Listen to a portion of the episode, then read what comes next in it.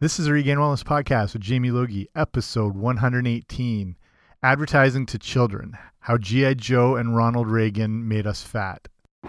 Don't worry, I brought my Rappin' Ronnie Reagan tape. It always makes the trip go faster. Well, well, well, well, well, well, well, well, well, well, you know something? He did say well a lot.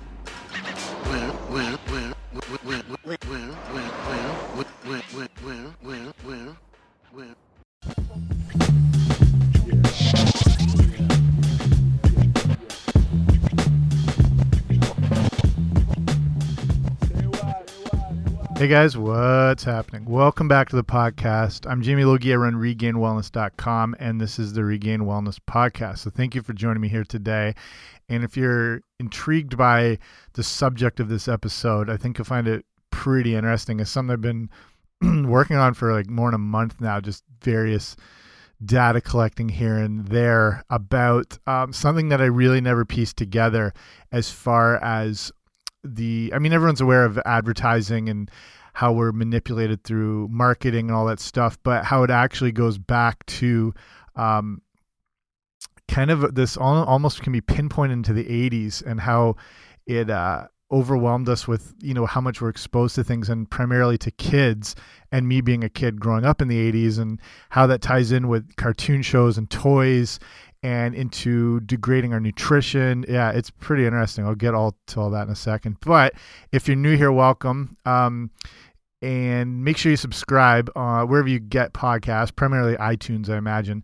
That way, you have the shows automatically sent to you each week. And if you're looking for more info on, you know, getting started with healthy eating and, you know, stuff like that, I have a free ebook um, you can get and it gets you signed up to the Regained Wellness newsletter, and it's got you know foods you want to be avoiding, why you want to be avoiding them, um, foods you want to include. It's got some recipes, get you all set. So that you can get by going to regainedwellness.com/slash guide.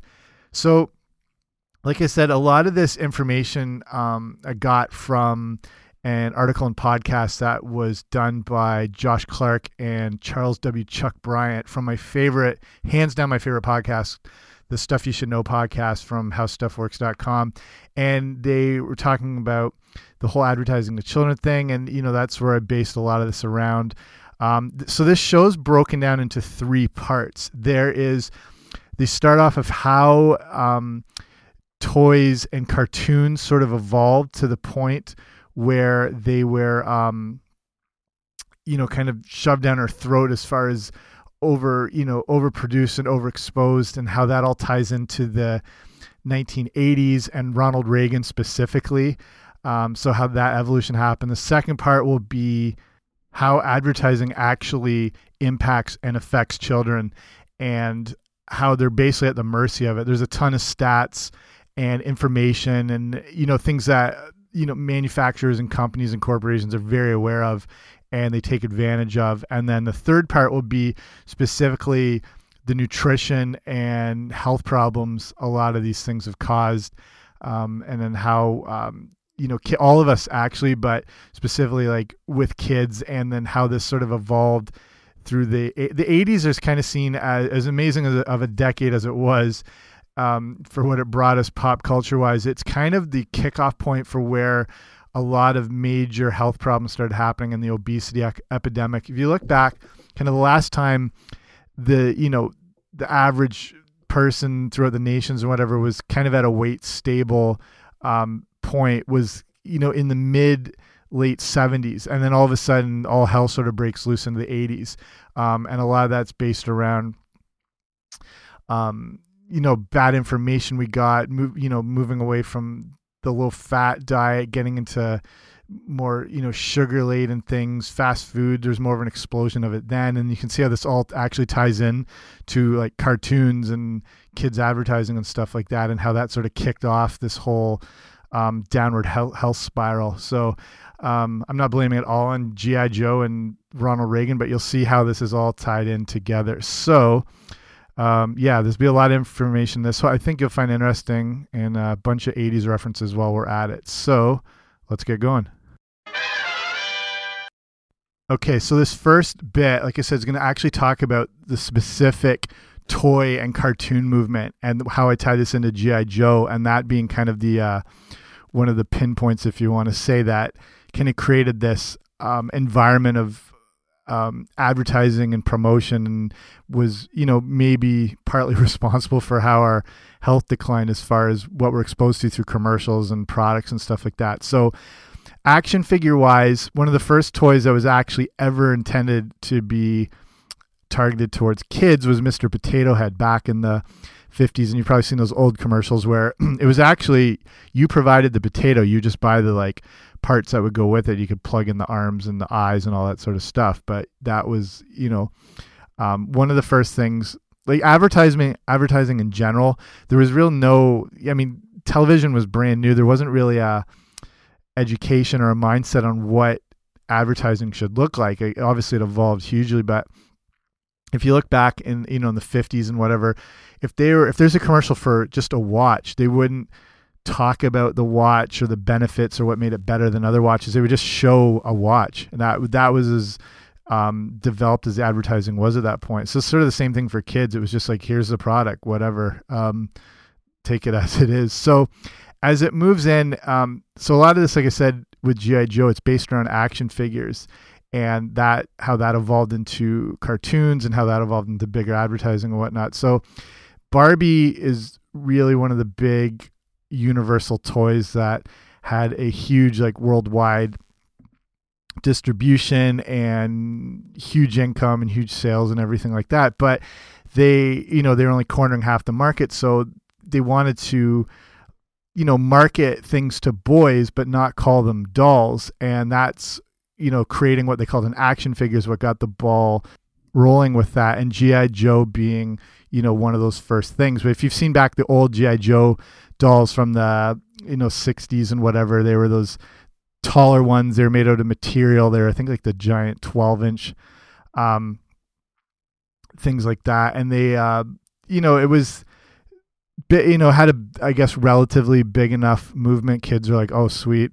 Um, action figures, war toys, and stuff like that. The problem happens in the 60s. Uh, it, it was, like I said, relatively big, but during the Vietnam War, it was really frowned upon, and there was really like a move to like get away from army based and war based things. So it was you know like really frowned upon to do them. So their sales just plummeted as you know no one was interested in that sort of stuff. They were just overwhelmed with the realities of real war. So that GI Joe at the time made up 66% of Hasbro's sales, and that was their bread and butter pretty much. So as things evolve, you're going into um, finding basically a big void in the market. Like I said, everyone who was a kid, who was a boy, not not just boys, girls too, but they were that was their main go-to was GI Joe. So there's this big void in the market, and there's a toy company comes along in 1972 called Mego, and they started um, making superhero toys. Um, that were made up of well-known characters. Like GI Joe wasn't a you know, primarily famous character. They invented the whole thing, but Mego decided we'll take things that are already well known, um, like you know, Batman or Superman or Spider Man, um, or something like that, and then they made up this new toy line. So that started to, you know, expand huge, and then they went into licensing other, you know, straight up movies like Planet of the Apes. I think they had like Doctor Who. So like this hadn't been done before. It seems like a no brainer now, but they were the first um, kind of company to start getting these recognized figures so the promotion is super easy. Every kid knows spider-man and batman and like oh there is in toy form.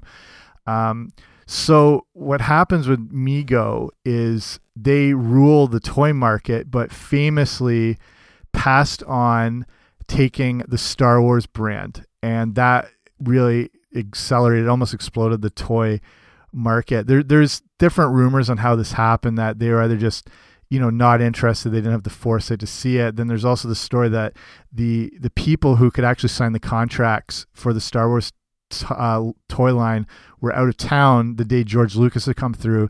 He went next door where the company kenner was. And kenner is the one who launched the star wars toy line. And the problem like they were just going to bring out you know a basic very meager line of toys and then Star Wars is this massive hit, and it catches them completely off guard. And if you've, I don't know if you've ever, if you're not a Star Wars fan, you probably don't care, but there was what they called the infamous empty box campaign for the very first Christmas after Star Wars, where there was just no way they could supply the demand for the toys. So kids would get a box that was just um, a cardboard background and it had a certificate that you would fill out, mail in, and when the toys became available in like May or June or whatever the next year, um, they would get sent out to them. And then those toys are worth horrific amounts of money right now. So if you have have anything kicking around in your closets or attics, go have a look. If you have anything from that original Star Wars line, so I, so that you know. They, they were making, I think, within the first year, hundred plus million dollars, and at that time, that's a lot when you know the figures are only costing like a dollar or two per piece. So they completely dominate the market. Um, now the companies like Hasbro and whatever, they like they got to get back in on the action. So they re-released GI Joe um, in the early '80s. So what they did was then created a cartoon based around it um, in order to try and promote it more, to try and sell it. More kids are watching TV. More kids have access to cable, whatever. They're coming home after school. They have nothing to do. So the original GI Joe cartoon was to, you know, basically start promoting the toy line. What they were doing within the show um, if if you if you're like a kid like me growing up in the 80s, you probably weren't aware of this um, just because you're so into it. But the idea with the cartoon is they were creating backstories, so they were telling the history of the characters and where they came from, and then it was also their chance to introduce new characters, and then obviously along with that, um, putting out the new toy line. So they would just tell, you know, where they came. They just put a little more um, character into it, and that's what kids would gravitate towards. You'd have your favorite, so you'd want to buy them, or if it was um, certain vehicles or whatever, you knew what they were connected with, you knew who drove them. Ba basically, it was just a long, um, giant advertisement. So, as the way things were going, people have always been aware of preventing ads and things that are targeted at kids because, like I'll get into later, how it's kids can't really differentiate between ads. They don't know when they're seeing a commercial. As they get older, they they have an idea, but they're still not savvy to the idea of um, you know sort of corporate mani manipulation and all that sort of thing. So there was started actually back in the 60s called the ACT, it's the Action for Children's Television, and they wanted to help prevent the targeting towards kids. And actually the first target they went after, if you can believe this, was Romper Room. So you remember Romper Room with the it's that magnifying glass seeing thing like I see Billy and Tommy and all that sort of thing. Romper Room had a line of toys and they would subtly kind of promote them within the show. So some I don't know if you remember this, but sometimes um who I can't remember the name of the main lady who'd do whatever. Um, so she would look through and then she'd be looking up on a hill. It's like, oh, there's our doll that, you know, whatever that they sell. So the, as gentle as this was, this was seen as absolute heresy back then. And these um, action groups were just jumping all over it. They said um, they just couldn't promote stuff like that. They had to shut it down.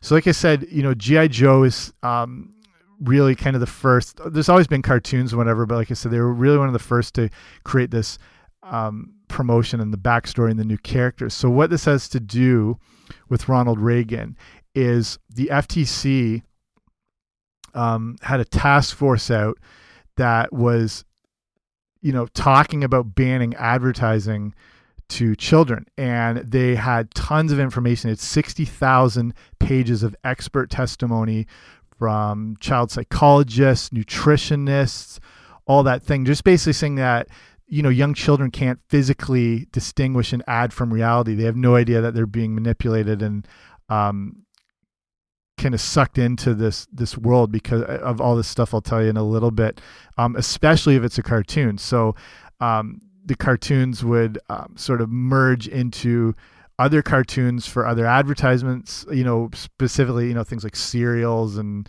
fast food and the actual toys themselves sometimes. So um, the one of the first thing they did was have to regulate warnings that would be saying going telling kids that they're going into a commercial. You remember watching cartoons when you're a kid? They would just, be, you know, it'd be like GI Joe will be back after these messages. That was something they legally had to do. You notice you never see that in, um, you know, if you're watching Modern Family, they're never going to say, okay, after we'll be Modern Family, we'll be right back, whatever.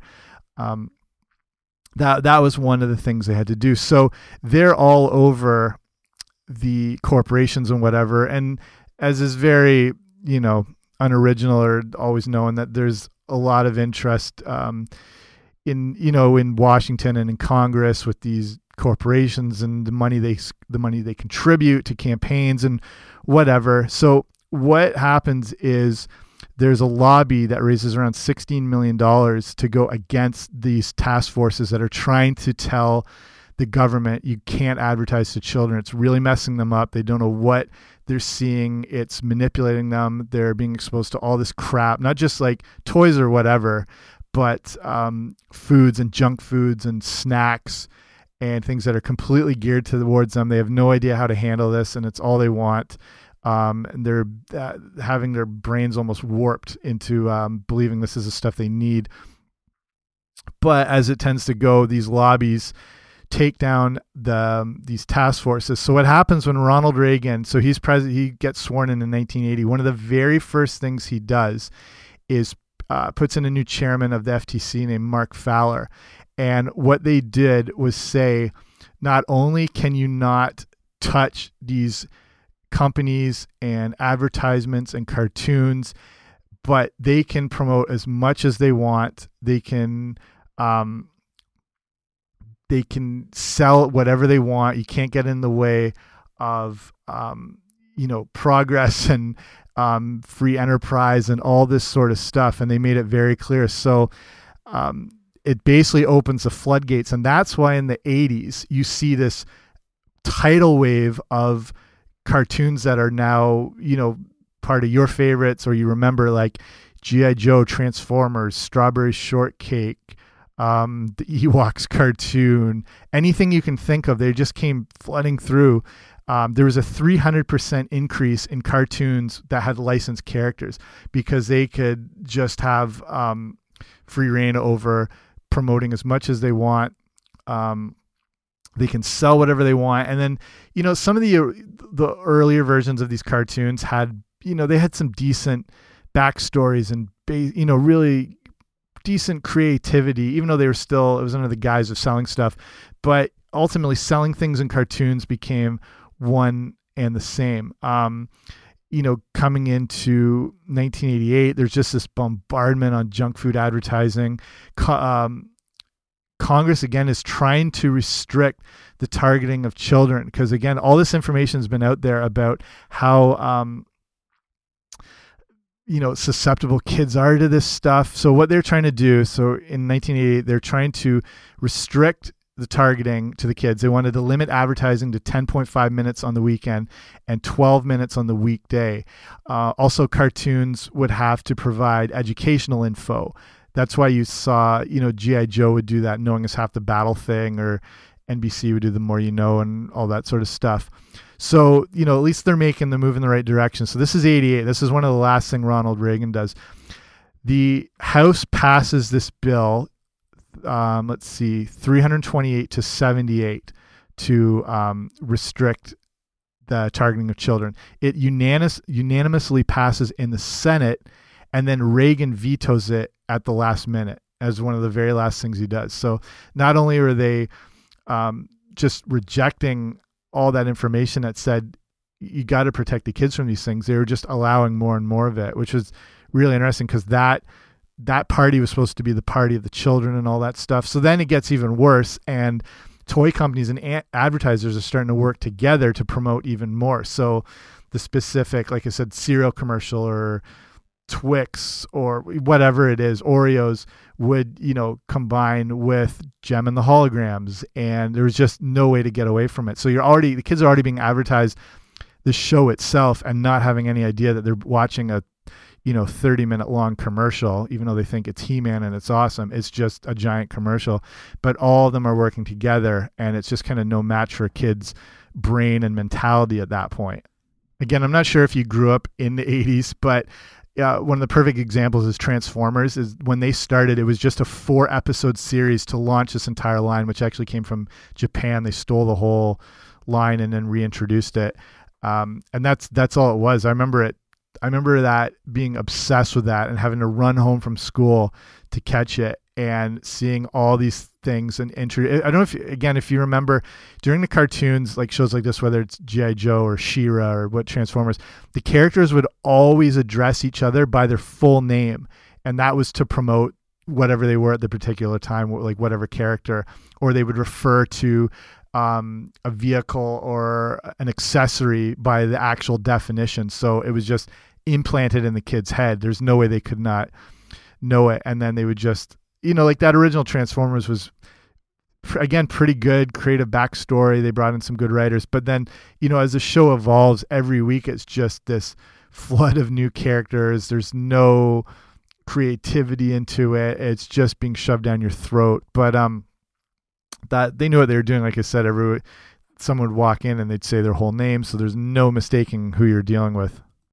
Another thing they they would do at the time um kind of within the cartoons, but with the commercials, especially for like junk food. Cereal is kind of takes a cake and all this is called, um, called anthropomorphism, and that's using animals to sell products because kids associate a trust in animals, especially if it's a cartoon animal too, um, which is again why they always use them in um, kids advertising. Think of the cereals like the honey um, honey nut Cheerios Bee Toucan Sam, Tony the Tiger, all that stuff. Watch that still happens very much today, even in um, adult promotions and commercials, but as much to kids. So watch out when any company uses an animal. That's the reason behind it. It builds even more of a trust. Then kids will have um, trust if they see younger kids uh, and babies. There's there's just sort of this understanding, but there's something about animals, real animals, eh, very much too. It's why every other commercial seems to use puppies or kittens, whether they're selling fabric softener or Kleenex or whatever. But when you go in even to, into a cartoon animal, it's even more of that. Cartoons are familiar and comfortable to kids, and then an animal version even more so. So have a that's uh, Joe Camel would probably be one of the most famous examples of that using a cartoon camel to ultimately promotes cigarettes to kids, which is really what they were doing. As much as they try to deny it, you can look back and see a lot of their research knowing that was enticing kids and they wanted to get into that market. Because once you have a kid hooked uh, with cigarettes being addicting as they were and they ha- have a loyalty to your brand, it's a lifelong customer. That's how fast food works as well, too. Um, fast food is just as addicting as cigarettes in maybe more of a minor way. And once you have a customer, you have them for life. And the earlier you can get them, the longer you can have them. Um, so, yeah, watch out for animals anywhere you go.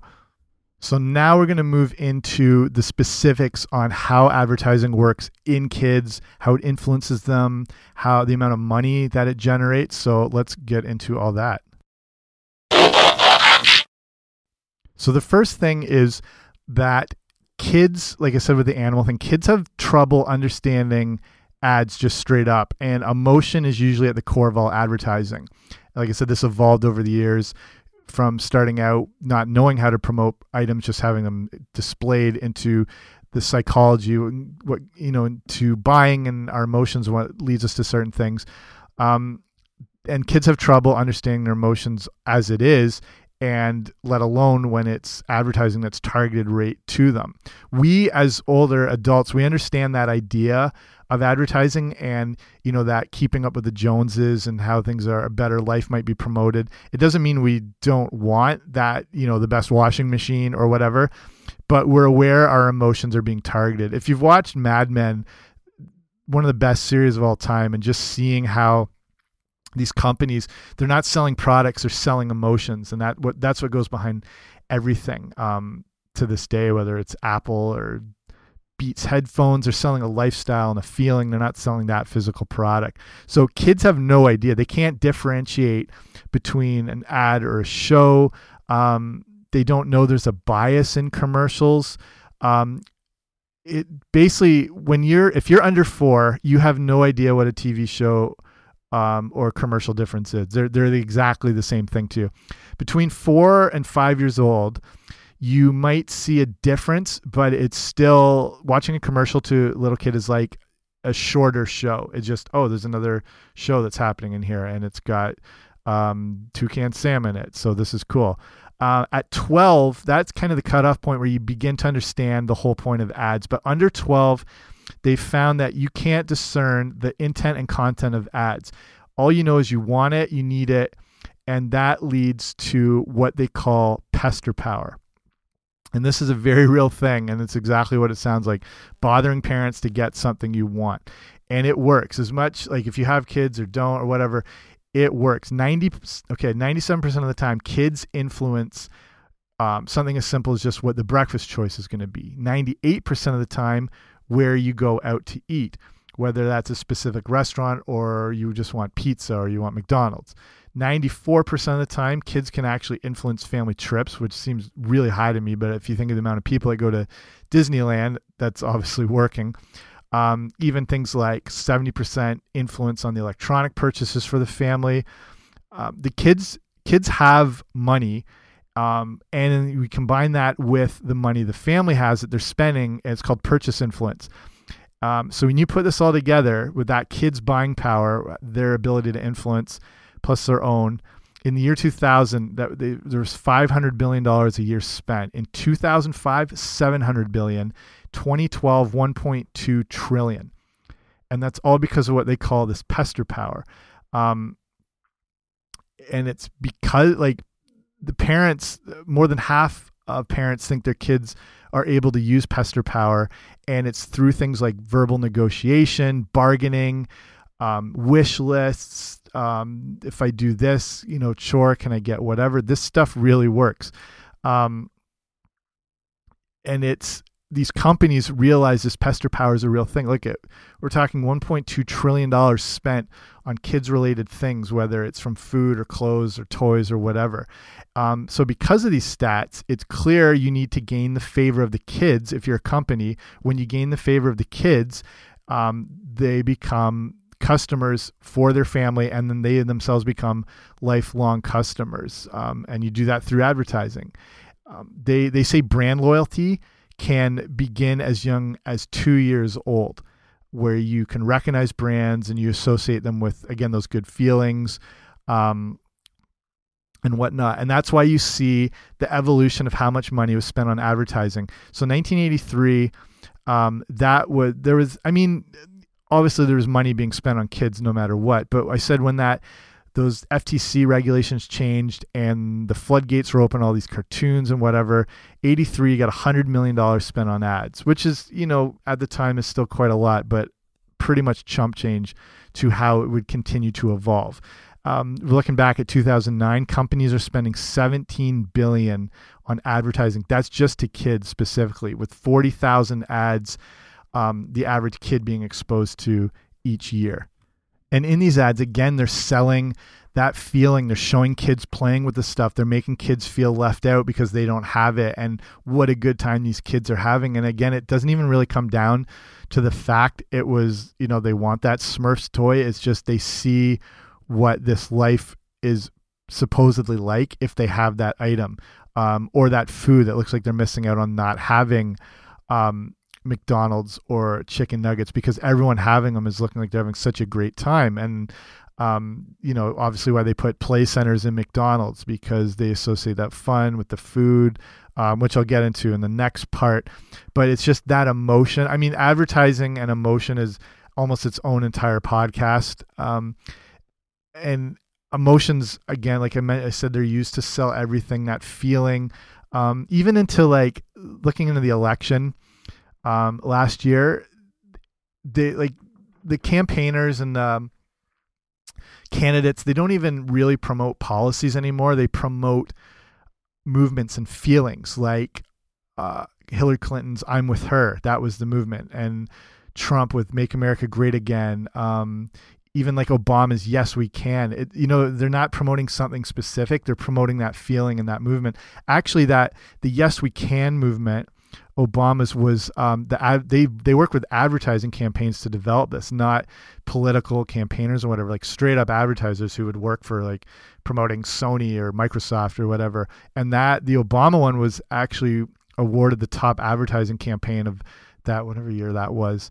Um, you know what I mean? Like they're selling those those slogans, those feelings, um, and that's what we buy into. And kids, again, their emotional development is barely even begun, and they can't differentiate a commercial as it is, and then these feelings, and you can see it's just wrapping them. These companies have these kids wrapped around their little fingers. When you combine it with that um, the spending throughout the family, and then that that whole pester power thing. I mean, picture like you know when you're shopping in a grocery store going through the cereal aisle is always you know everyone knows this the in the in in a normal grocery store you got this the the shelves and there's three levels to the shelves. The ones right in the middle of the eye line that's the kind of the bullseye zone and the big companies the brand names pay very large what they call slotting fees to be in that middle shelf because it's right in your line of sight. Up top is where you have more gourmet specialty items where you have to you know look up and then way down low is where you find like the generic off-brand whatever that are kind of out of sight out of mind and that's the idea when they take these. So when you go into like a cereal aisle look at the cereals they're down lower they're in that eye line of kids. Um, and i've been that kid screaming for that junk cereal and you'll see it in the store and parents just like screw it throw it in. Um, that's fine. I mean these families are so busy there's so much to do but it's hard when it's staring you right in the face. For us too i mean i buy brand stuff all the time because sometimes i do think it's better and because it's the only thing you see um, and with kids, it's right there, right in their face. Okay, now we'll move into the third part, which is specifically about the nutrition and the impact um, that had on us, you know, specifically coming out of the 80s, obviously into today, but that big movement um, that started, you know, a little while ago. Okay, here we go. So there's a lot of facts here um, when it comes to nutrition and with that, the deregulation of um, preventing, you know, from the agencies trying to stop the targeting of kids in advertisements when that was deregulated by Reagan and the FTC and whatever, the one of the biggest ones that came through, not just the cartoons, but was um, nutrition company, not nutrition companies, the lack of nutrition companies, fast food, snacks, chips, like candies, all the things geared towards uh, kids. And like I said, when they had all that, when those groups that were trying to, you know, even that worked within the government, and they've known that you can't be going after these kids. Like I said, a lot of them, besides child psychologists, were nutritionists saying we can't let these kids be exposed to these foods because it's so dangerous for a bunch of different reasons. So when we're looking at this, again, not a not always a direct causation. You can't say it physically causes it, but there's a big correlation that sees that junk food ads can lead kids to gaining weight and overall childhood obesity obesity and that was you know in going into the the 70s and whatever when our foods weren't as bad they were starting to get bad and then in the 80s that's what was happening the amount of you know there was the low fat movement so they're taking sugar out of things and then they're replacing that with high fructose corn syrup because it's cheaper um, it lets products last longer. There's less wastage. We're getting more into trans fats. There's more abundance of them. Um, fast food's always been there, but you know the growth's even bigger. The amount of fast food companies that are popping up all over the place. Um, so in the 80s, we're seeing all these advertisements that look like cartoons and they look fun and they're for candies and fast food and all this crap. And they were seeing that link that was um, when this childhood obesity movement again is the wrong word but um, when that just sort of developed and started to take off. It's basically when kids sees an ad they will eat more junk food if they see an ad for one thing that's you know say like twinkies but they don't have twinkies on hand they'll go for another version of that junk food um, and you know with all the, remember all those cereal commercials or cartoon based advertisements that we saw when we were kids. Um, you just wanted whatever version you saw of it. Um, there's more recently a study in 2009 that said kids who watch shows with junk food commercials ate 50% more than kids watching shows with no junk food commercials. So the interesting thing now is we're in 2017. Um, kids, I think, are watching less TV and they're watching less live TV. And me and like that probably goes for you too. The only live TV I watch is sports. That's it. Everything else is streamed um, or on demand or I've at the very least PVR'd it and, and we'll watch it later. You'll fast forward through the commercials. So advertisers are aware of this, and that will go. I'll talk about in a bit with uh, online ads, like targeted ads, um, apps, all that sort of stuff. But basically, all this information that goes back eh, almost to the 60s as well too, but into the 70s and 80s. That you know the kids who watched more junk food commercials ate 50% more of it. Um, kids are they're completely influenced by the junk food as they are with the toys. To them it's like one and the same. Um, you know when you take those fast food ads and combine it with that pester power they will eventually eat it at some point. And that's the idea. It's like some of the stuff's like drugs to kids once they get a taste of it they will be hooked. Um, and think like think the amount of as we were kids like giant big gulps and 7-eleven foods and all this crap that once you get a taste for it um, it's they're like drug dealers. These companies they know once you get one shot of it, it's like the first the first hit's free. You'll want more and more of it. So they're just pushing for these kids to try this stuff eventually, and that's what happened to us in the '80s. We had an onslaught of all this new advertising and information and availability of products that were linked in with these shows we liked. Um, we wanted all these candies and chips and soft drinks, um, let alone fast food. That's its own thing by itself. And we're kind of no match for it as you're growing up and no idea what's what. Your brain, when you're a kid developing, your brain is no match for all those chemicals and additives and sugars and sweeteners. Um, yeah, it's so overwhelming. It addicts us, and a kid is just cannot keep up with it. Um, as it goes into, um, let's see here, just talking about um, specifically, you know, like I said in the 80s, this is when this whole um, downward spiral happens. That so I live in Canada, I live in Ontario, and a very interesting thing. And the so when this deregulation happened in the 80s, the only province that banned advertising in commercials or print to ki kids was Quebec, and they have the lowest childhood obesity in Canada um, and almost all through, you know, if you combine that to the states and whatever, they just decided, no, this is not happening. And other countries, same thing like Norway, Sweden, Australia. I grew up in a little bit in England, back and forth between Canada and, Eng and England. And watching the TV over there, there is such a difference in how much these cartoons and ads are shoved down your throat over here. Again like you know making you feel bad for not having this thing or not eating that thing. And in england it just wasn't there. Like there's obviously still advertisements but it's like oh look at you know here's this cool thing. That was you know a, a, conscious thing in england that they would not target kids. And it wasn't that it was a law. It was just one of these unspoken rules. So obviously here in north america it's you know the worst it is in the world. Um, and just really interesting when you look at that fact about um, Quebec in the 80s not doing, um, you know, just banning all that advertising and them having not having those same problems that the rest of um, the country and basically the continent faced um, as they were going.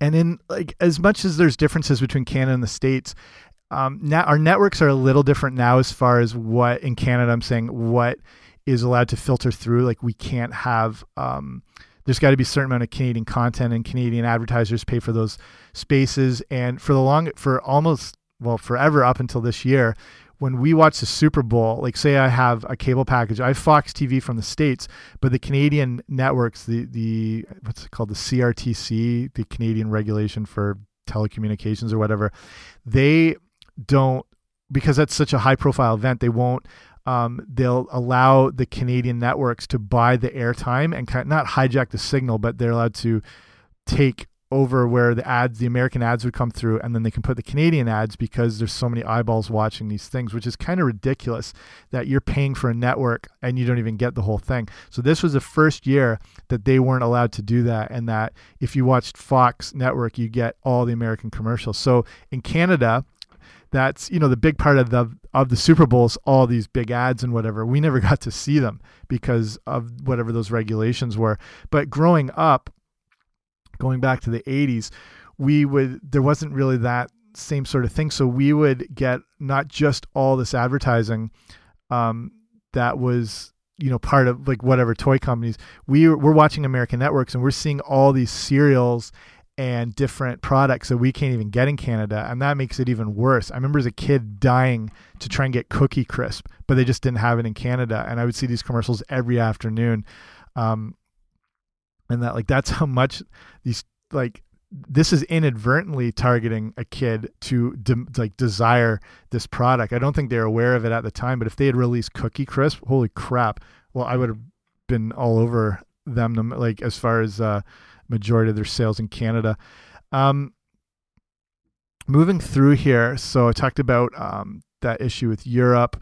Um, so some of these companies as well that they, they want to give the appearance that they're not these evil corporations and that they're trying to do good, but it's kind of a thinly veiled uh, workaround. So I'm thinking back again when we were kids, or if you grew up in the kid in the 80s, or you had um, kids that were growing up at the time. The schools were still exposed to this too. I mean, it's a, a different case today, but uh, like I said, you know, I wanted Cookie Crisp as a kid and couldn't get it. But in their schools, they would use these companies to promote programs or what. I, so, first example I'm thinking of is if you remember the Crest Cavity Fighters, um, they'd have those commercials that whole we put holes in teeth and all that sort of stuff. And then I remember in school getting these little packets that had you know information on how to take care of your teeth and gums and that they have that you know a better interest at hand but ultimately like they want you as a customer for their product um, i'm thinking do you remember if you were around playground equipment equipment they had the mcdonald's fry guy toy like things you'd ride that had the giant springs on them going back and forth. So they're just you know planting their um, little advertisements right there in a kid's playground. There was i don't know if you remember i think this was we did this in canada. I'm pretty sure it was in the states too. It was the pizza hut reading program called Book It, and it had this big purple badge and these little circles that you put a sticker on for they're pr promoting reading. And if you filled the whole thing, you got that a free personal pan pizza. I remember doing this and being totally psyched for it. Um, again, I, I mean, cool. They're promoting reading, but they're still promoting their crap pizza at the same time, and they're trying to associate themselves in a little bit better light. So I mean, I guess sort of kudos to them for taking a different movement than just straight up advertising. Um, the Kraft Company, they made these. I vaguely remember these two. They made these healthy eating kits. Um, just talking about better nutrition, but obviously still included their product as being, you know, part of what was good for you to have and encouraging you to have it. So that's again, that's still a form of advertising. They're just doing it in a sort of a roundabout way. Ultimately, the amount of uh, you know, like I, I talked about the money that's spent on advertising is ridiculous. And then this is a form of product placement. If it's, you know, in this way, if it's the, you know, the Book It program or the Crest Cavities fighting or whatever. Um, so companies are always trying to find ways to do this. In 2008, there were 35,000 different product placements just in primetime TV shows. That's when the most people are watching TV, the most eyes are on thing. It's the best chance to get more exposure. So that's just in primetime TV. So when you add up the rest of the year and, you know, from a fry guy in a playground to Pizza's Book It, it's just complete, like a complete onslaught on kids all the time. And probably the king of all advertising to kids is going to be McDonald's, hands down. Um, just I mean, with the amount of money fast food spends on advertising is just obscene but they are the highest spender of any company for advertising to kids. So they invented the Happy Meal was invented just for kids. You know, something that was completely targeted towards children. No, they're not even trying to hide it at that point, and it's still going strong to this day. So if you go back, uh, this is in 2012. They just on the Happy Meal, McDonald's spent 42 million dollars on advertising, just the Happy Meal. They did 185 ads in a every year, just in one year, they do for chicken McNuggets.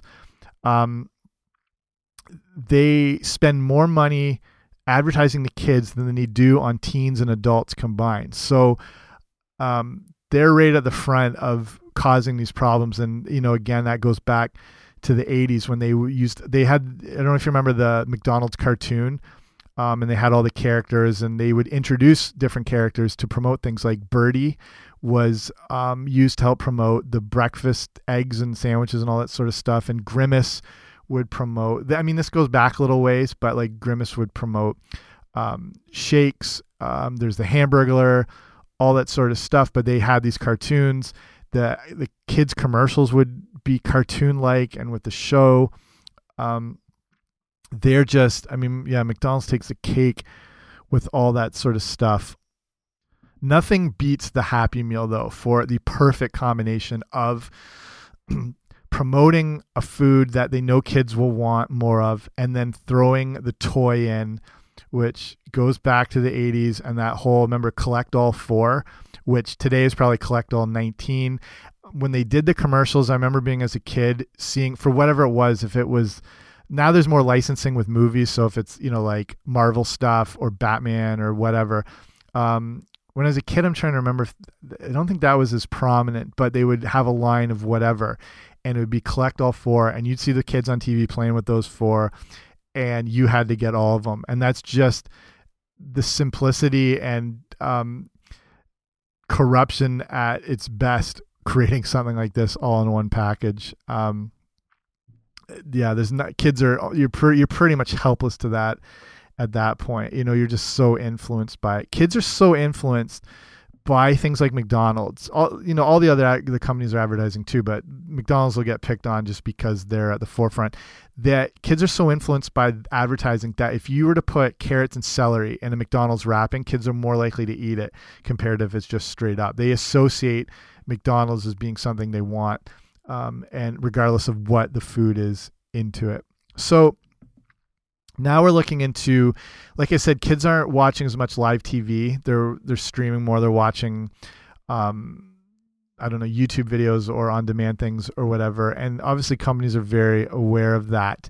And at first, they're going. Now they're going like the companies are going into the schools. Like this isn't as this might not be as relevant depending on where you live but there are so many underfunded public schools that they just need to get through the year. So they'll do it. And I mean, this is a tough one. That's like the whole, you know, stealing bread to feed your family issue. So, you know, they these companies are more than happy to jump in and Coke will set up a computer lab in the school as long as it's named like the Coca-Cola Computer Center.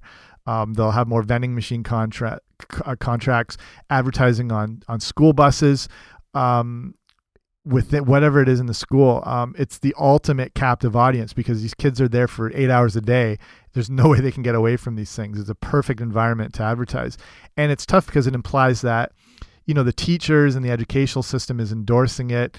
And again, I understand, you know, budget issues, and they're just trying to get through. But it's, you know, you know, Coke trying to look like a hero for going in there when that's probably not their main main motive. Um, and you know now as more everyone's online, but more kids are online, that's kind of evolving advertising too. So that's going into you know banner ads on banner ads on websites specific. Just I mean McDonald's has its own normal website, websites. They have their own kids websites. There's a happymeal.com that gets a hundred thousand visitors a month and it's again basically a giant ad. Apps are the perfect way to advertise things as a game. It's cool but oh you're you know you're playing the game based on whatever characters or food that it's being sold around.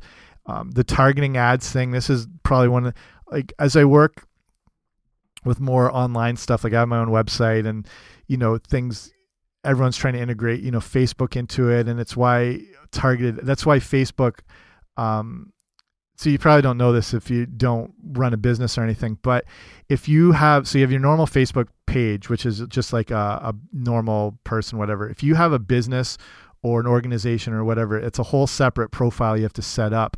And the way it works since when facebook went public um, with their IPO and you know starting to trade stocks, they have to have like a recurring revenue model. They're already making so much money, but it has to be constant. So that's how they got more into advertising, and they're going after the companies. So if you like, say you make a post on Facebook on your normal profile, you know pretty much everyone can see it. If you run a company or a business, if you put um, if I put a post up like promoting a blog or like this podcast, there's only a limit. There's a limit on how many people can see it. At the most, at the absolute most, just the straight before they touch it, you're not going to get more than 30% of the people who follow you able to see that message. And that's the absolute most. It's more like 10%. So these are people that are willingly following you. They want to see your stuff. They're fans. Like I, I one of the reasons I don't like Facebook. I just don't like using it in general. But say the people who follow me on Facebook, um, they want. I assume they want to see what I'm doing. That's why they liked my page and all that crap.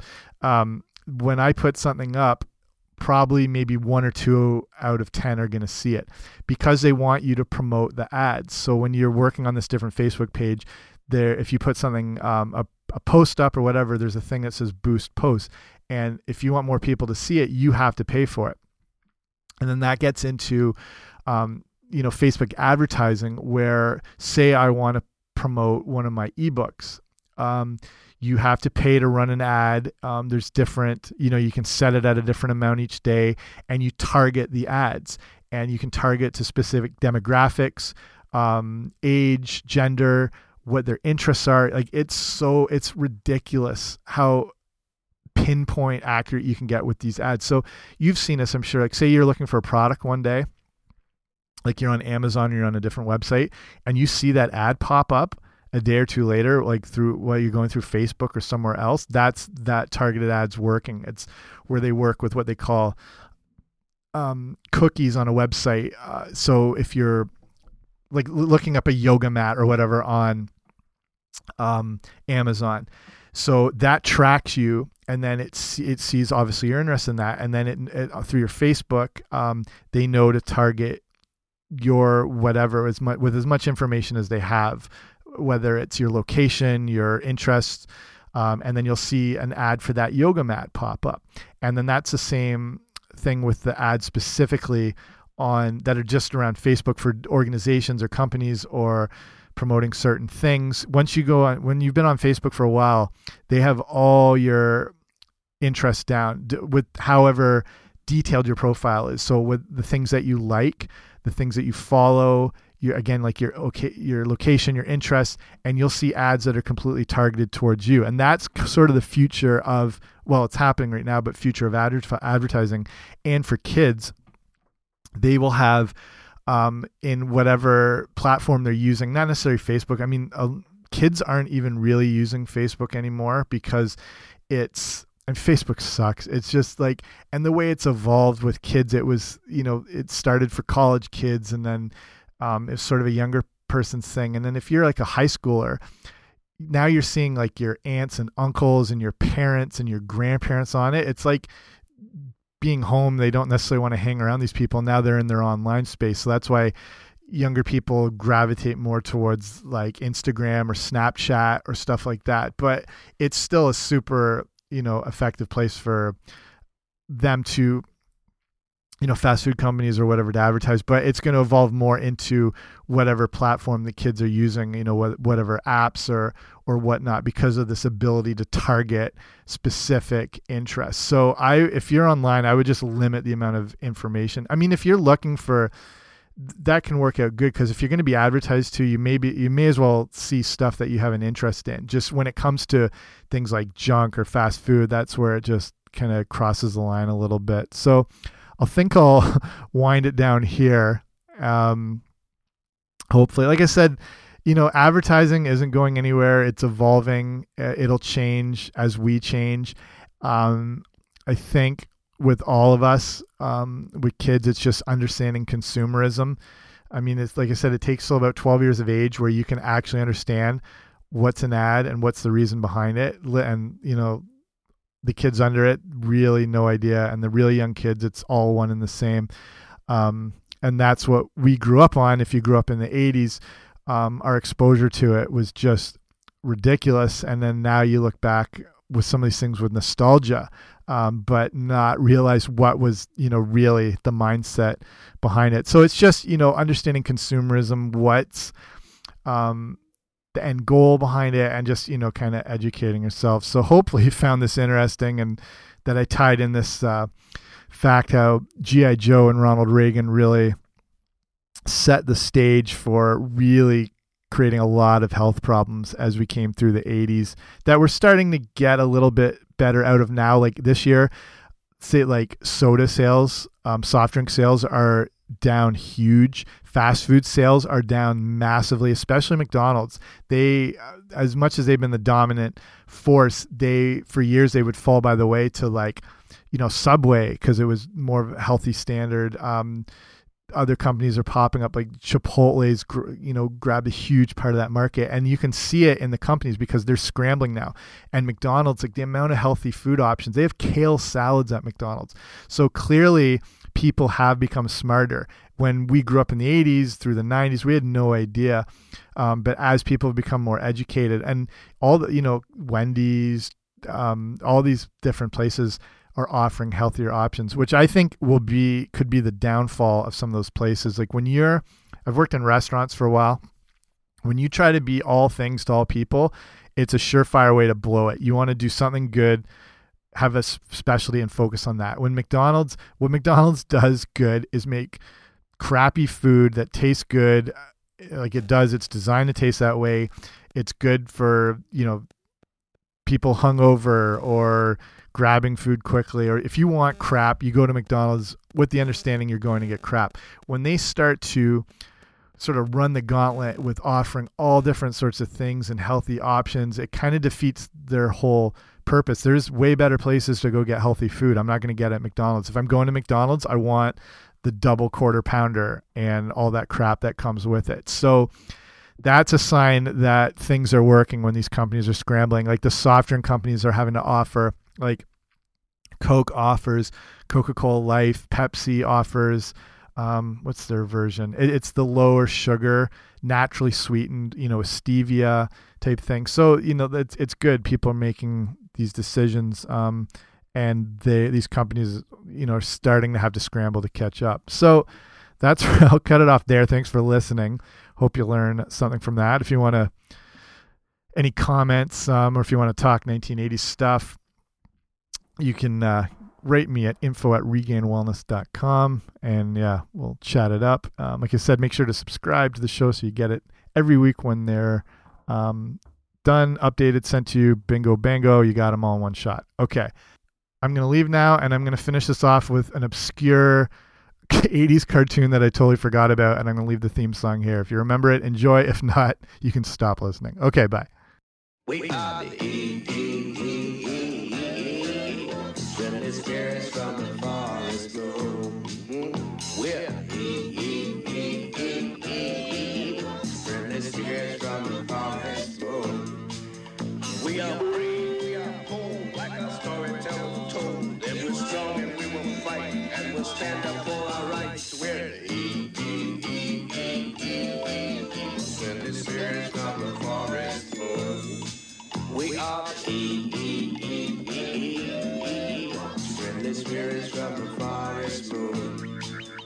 Yes, we're the ground